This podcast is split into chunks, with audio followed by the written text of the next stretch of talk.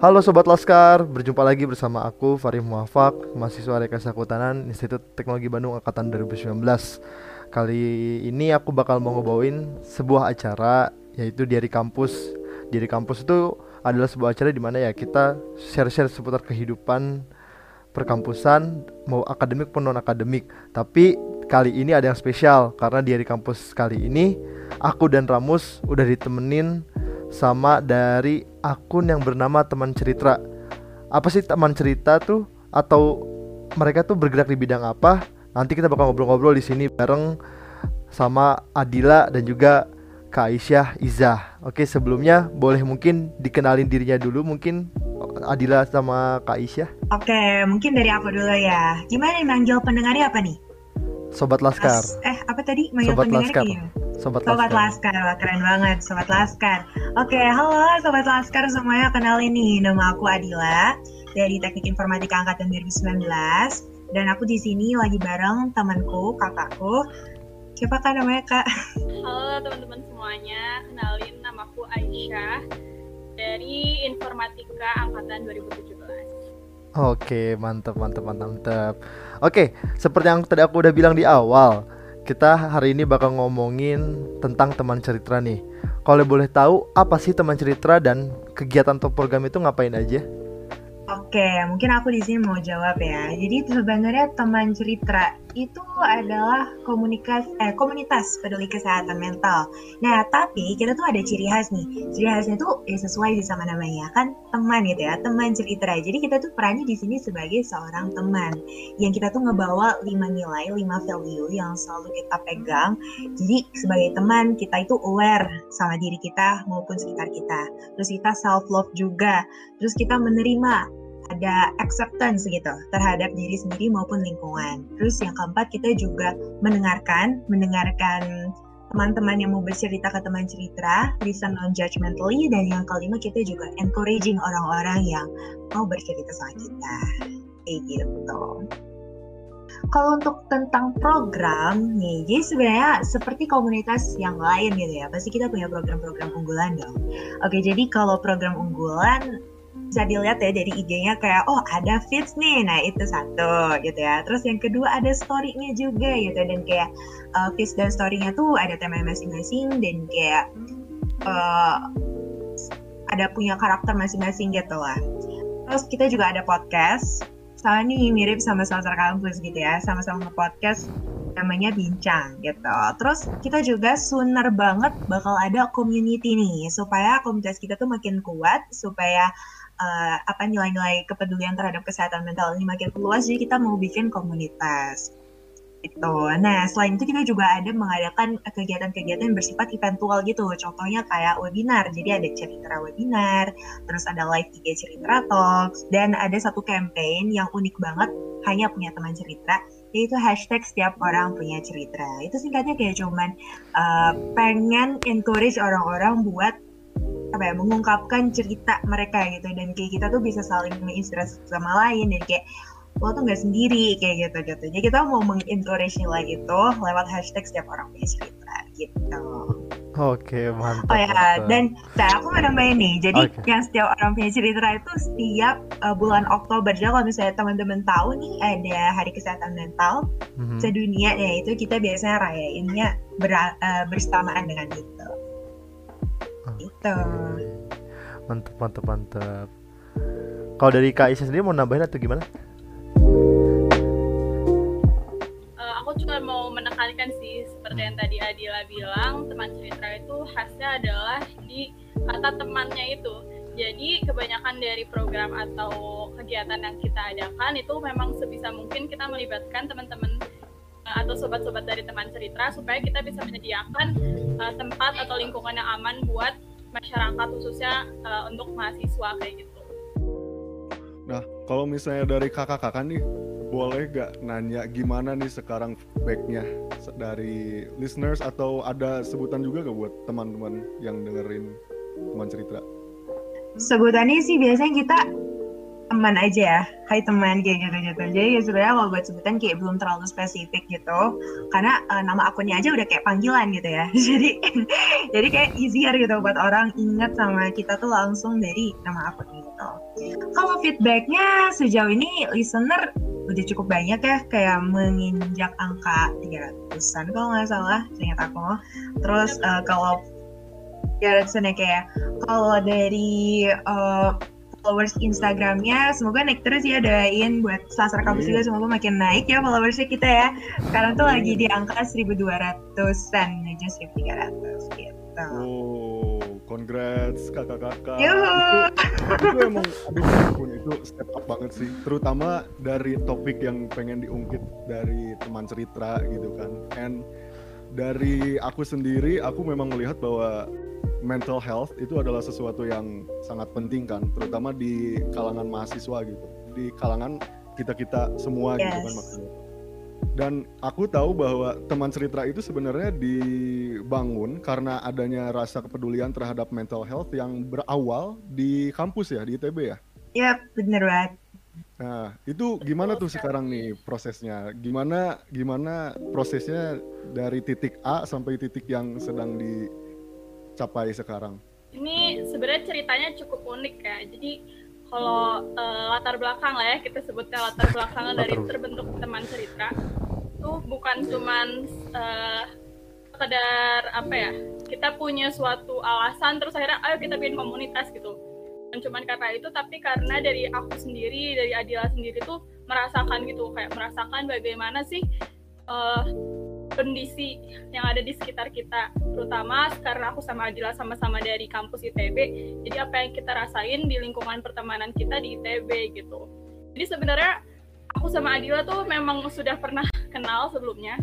Cuman kita ketika uh, suatu hari kita ketemu karena ada suatu atau suatu hal yang memperdepan kita kita akhirnya sharing tentang apa yang aku rasain dan apa yang Adila rasain gitu ternyata menemukan titik yang titik temu yang sama tentang pemikiran kita bahwa kondisi uh, kepekaan kesehatan mental di lingkungan kita itu sangat minim sekali gitu. Kayak mungkin orang tuh udah pernah tahu gitu ya apa itu mental health itu kayak gimana. Nah tapi kondisi kepekaannya kepeduliannya itu sangat sangat minim. Apalagi karena uh, apa ya lingkungan akademik di kampus kan cukup uh, berat lah ya. Kita bisa katakan cukup berat tapi uh, tidak ada lingkungan yang bisa cukup mendukung supaya kita semua tuh bisa sehat mental gitu makanya karena itu karena aku sendiri punya pengalaman, Adila sendiri punya pengalaman, dan aku punya pengalaman yang bikin aku berpikir bahwa sebenarnya tuh uh, kesehatan mental tuh penting banget. Dan kalaupun kita pernah mengalami yang namanya titik terendah di dalam hidup kita, itu tuh sesuatu yang seharusnya wajar gitu, bukan sesuatu yang kayak oh, gila hidup aku banget gitu nah uh, gimana pun caranya kita pasti bakal bisa menghadapi titik terendah kita itu. Nah itu sebenarnya awal pemikiran yang aku sama Adila pengen bagiin sama teman-teman yang lain. Kita tuh pengen bikin podcast. Jadi pertamanya tuh cuma pengen bikin podcast aja gitu. Kita pengen bikin podcast di mana kita pengen menguatkan teman-teman yang lain kalau kamu tuh oke okay kok kalau misalnya sedih kamu tuh oke okay kok kalau misalnya stres gitu. Kita tuh bener-bener sesimpel cuman pengen kayak gitu. Karena kita tahu nih dari seribuan atau berapa ribu ya anak-anak ITB itu pasti ada ada banyak juga yang ngerasa sendiri karena nggak bisa ngeluarin perasaannya gitu. Kayak bingung kan mau ngeluapin apa yang dipikirin apa yang dipikirkannya apa yang dirasakannya gitu. Jadi kita pengen lewat podcast kita berbagi untuk menguatkan teman-teman kita yang lain tapi ternyata feedbacknya luar biasa baik. Aku sama Adila juga kayak kaget sih karena kita tuh tadinya cuma mau bikin podcast doang tapi tiba-tiba banyak banget yang pengen kontribusi. Kayak banyak banget yang deal uh, Syah boleh gabung nggak? gitu ke, ke komunitas kalian pengen juga bantuin. Akhirnya kita terbentuklah yang udah ada sampai saat ini gitu udah sampai 2100 followers dengan konten-konten di Instagram bukan cuma di podcast doang terus udah bikin webinar juga bikin live Instagram juga kayak gitu sih ini panjang sekali ya ceritanya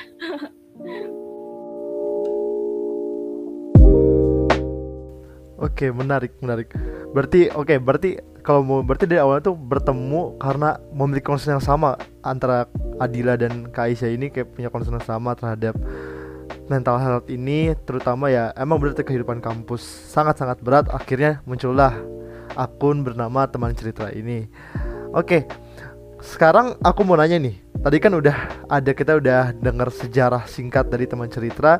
Tapi aku mau coba sharing dengan Adila dan juga Kak Aisyah tentang apa itu dan seberapa penting mental health. Oke mungkin boleh dari Adila dulu mungkin. Oke tentang mental health ya, ini sebenarnya mirip sama kesehatan-kesehatan yang lain sih. Ya seperti yang teman-teman tahu gitu kayak ada physical health gitu ya, mental health, terus sebenarnya temenku kemarin bilang kayak ada namanya spiritual health juga gitu. Ya sama seperti kesehatan yang lain, ini penting banget gitu. Ini penting banget karena ini uh, sangat berkaitan sama uh, kondisi kita sehari-hari kayak gimana. Dan sebenarnya justru mental health ini uh, bisa mempengaruhi uh, si apa fisik juga gitu secara nggak langsung. Kayak pernah gak sih kalian ngerasa kalau misalnya uh, kalian tuh sebenarnya nggak sakit ya?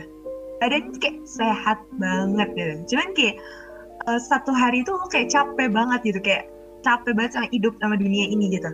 Nah itu kayak lo otomatis kayak bisa langsung ngerasa sakit padahal kayak your body is very okay gitu gitu. Kayak itu contohnya. Jadi emang uh, si kesehatan kesehatan itu saling berpengaruh satu sama lain. Dan uh, mental health itu sendiri kalau misalnya kita bisa gambarin itu tuh kayak garis bilangan. Aduh ini nggak matematis banget cuman kayak kayak bayangin ya kayak garis bilangan gitu ya.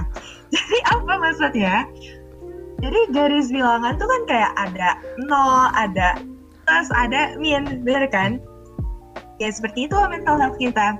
Ada yang ada di kondisi yang lagi oke okay banget lagi positif banget lagi prima banget gitu kayak lo positif banget lah jadi orang gitu. Yang ada di zona yang tengah-tengah yang kayak I don't what to do yang kayak gitu-gitu. Ada juga ketika lo lagi rendah banget gitu lagi jatuh banget lagi di posisi negatif banget dan harus diingat kalau misalnya itu tuh dynamic. Jadi kayak kadang ada yang bagus banget kadang jelek banget dan kayak itu bakal terus-terusan uh, puter-puteran lah di situ. Jadi kayak uh, teman-teman harus ingat kayak kalau misalnya ketika teman-teman lagi di daerah yang negatif-negatif ini nih, yang garis yang minus, it's okay gitu. Tenang, santai aja dulu. Karena nanti bakal bakal maju juga kok ke yang plus gitu. Jadi nggak nggak akan static kayak gitu sih. Gitu. Jadi so important dan kayak salah satu karakteristik yang paling enak buat aku gambarin tuh kayak kayak gitu sih uh, dari analogi garis bilangan itu ya hmm. bisa memahami kalau mental health tuh ngomongin soal mental health tuh sebenarnya bukan cuman soal penyakit klinis yang emang udah didiagnosa oleh dokter atau psikolog atau psikiater gitu. Banyak kan kalau orang mendengar kata mental health gitu kayak oh, aku nggak nggak ini kok nggak sakit mentalnya gitu. Karena yang ada di bayangan dari orang-orang pemahaman orang-orang mental health tuh yang, yang kayak gitu gitu. Yang ketika kita uh, di, udah didiagnosis uh, tentang penyakit klinis gitu penyakit klinis psikolog psikologi. Nah tapi uh, dengan kita memahami garis bilangan men uh, kesehatan mental tadi kita tuh harus memahami kalau misalnya setiap orang tuh pasti ada kok masanya uh, kesehatan mentalnya tuh lagi rendah gitu atau lagi di masa yang drop gitu. Jadi uh, kita nggak baik kesehatan mentalnya tuh bukan berarti yang kayak kata-kata orang gitu bukan berarti yang mungkin kita kenalnya seperti misalnya bipolar kayak gitu. Tapi kita semua pasti pernah uh, berada di masa di mana kesehatan mental itu ada di negatif itu gitu. Jadi mungkin sebenarnya ini analogi yang bagus banget yang emang kalau orang yang baru mengerti tentang kesehatan mental buat memahami gitu. Jadi itu intinya sih itu sih bahwa kayak kesehatan mental tuh pasti ada di setiap diri manusia dan bukan yang kayak aku nggak nggak sakit uh, mental gitu tapi setiap orang pasti ada punya fase-fasenya masing-masing gitu. Jadi yang ingin ditekankan itu it's okay to not be okay ya kak sebenarnya Betul. dalam setiap manusia. Betul banget. Aku juga setuju sih kak karena sebagai kesehatan pada umumnya health, aku yakin semuanya pasti butuh support kan, terutama mental health gitu. Kalau misalnya boleh jujur sebelumnya aku rada abu-abu sih sama tentang mental health itu karena mental health itu adalah suatu topik yang sering banget muncul di media sosial terutama yang burung biru itu. Tapi aku pun masih belum mengerti itu tuh apa gitu kan karena orang-orang tuh kadang uh, posting tapi pengen pengen ngasih support tapi nggak nggak nggak tahu mana yang bener gitu. Nah bisa nggak sih kakak-kakak ngasih tahu kalau misalnya ada yang sedang mengalami masa di mana mental healthnya itu lagi di sisi negatif tadi itu dalam apa dalam garis bilangan ya? Maaf kak matematika aku gak pernah di atas 50 ada nggak sih kak pertolongan pertama apabila ya kita bisa membantulah gitu orang itu Jadi sebenarnya kalau untuk pertolongan pertama, menurut aku ya, yang paling penting itu adalah ya misalnya ada teman yang mengalami hal kayak gitu gitu, kayak sesimpel lo diceritain sama teman lo lagi uh, dia lagi gimana gimana gimana gitu lagi di masa yang down gitu. Kita sebagai teman udah dikasih dua telinga, oke, okay, it's time for us buat nyiapin telinga buat dia gitu ya. Tapi listen di sini, nah ini yang kadang suka uh, keliru ya sebenarnya karena reminder juga sih buat diri aku sendiri dan mungkin buat teman-teman juga bisa saling remind. Listen itu benar-benar kita harus uh, apa ya active listening lah sebenarnya kayak kita tuh benar-benar uh, mencoba mendengarkan semua hal yang dia ceritain dengan uh, menyeluruh gitu. Kayak kita fokus sama pembicaranya, maksudnya kita fokus sama teman kita yang lagi cerita gitu ya terus kita accept dia kita kasih ruang buat dia kita kasih buat dia gitu. Sok sini ke aku aja gitu. Kayak kasih tahu tumpahin aja semuanya. Dan kita sebagai pendengar ya kita hanya mendengarkan gitu. Gak usah ngomong kalau misalnya teman kita ini sebenarnya nggak minta saran. Karena kadang-kadang nih ya sering kali banget dan bahkan sering banget terjadi sama aku sendiri kalau misalnya udah cerita sama orang itu tuh kayak bebannya berkurang gitu. Lega aja gitu lega aja kadang kita nggak butuh saran bener gak sih? Kita nggak butuh saran tapi ya kita karena ini terlalu numpuk di sini kayak pengen dikeluarin dikit aja ke teman kita yang bisa kita percaya. Ya kalau misalnya kamu bisa menjadi orang yang dipercaya sama teman kamu kenapa enggak gitu kan? Yang tadi sebenarnya nerapin yang lima values yang aku udah sebutin. Awareness, self love, acceptance, listen non judgmentally dan encourage menurut aku itu yang paling penting banget dan paling mudah dilakuin. Sama kita. Oke. Okay. kalau ngedengar oke. Okay. tadi kan kita udah ngomongin juga udah ngomongin bahwa berarti kalau dari kak dari Adila dan kak Aisyah sendiri melihat bahwa mental health itu sangat penting. Dan buat aku dan buat Ramos juga kita juga ngelihat bahwa mental health adalah sesuatu yang gak bisa dianggap main-main. Nah melihat teman cerita berarti sekarang udah mau hampir satu tahun ya berjalan mungkin bisa dilihat gak sih kayak pandangan mahasiswa Indonesia terhadap mental health dan kondisinya sebenarnya itu kayak gimana? Jadi uh, tentang pandangan mahasiswa terhadap kesehatan mental ya. Surprisingly adalah apa yang aku pikirkan sebelumnya bahwa mahasiswa tuh bener-bener nggak peka sama kesehatan mental tuh sebenarnya cukup salah sih gitu. karena setelah atau mungkin karena udah apa ya karena udah berjalannya waktu kali ya.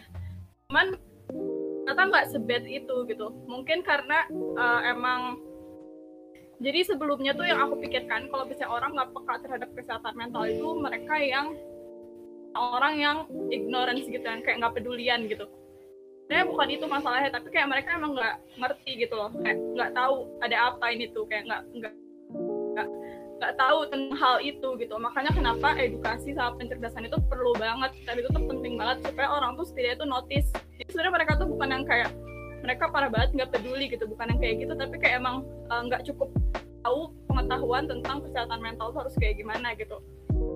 Nah setelah aku mulai banyak berkecimpung di hal ini aku lihat adalah orang-orang tuh udah mulai tahu pentingnya. Setidaknya tuh udah tahu pentingnya. Jadi mereka mau belajar mau cari tahu meskipun mungkin seperti yang tadi Adila ceritain ya caranya kita bisa menghadapi orang lain itu tuh emang harus apa ya harus by practice aja gitu. Kita meskipun tahu teorinya mungkin kita juga harus terus latihan kan gimana caranya uh, diri kita menghadapi teman-teman kita gitu.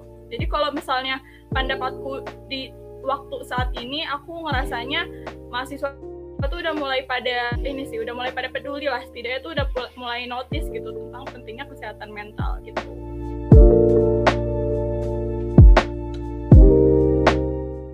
Kita melihat kondisi di mahasiswa sekarang bahwa masa itu sangat melihat bahwa mental health itu sangat penting. Dan kita juga kayak udah menemuin gitu nemuin banyak akun-akun yang emang bergerak di bidang mental health juga. Nah tapi sebenarnya apa sih faktor-faktor yang mempengaruhi mental health itu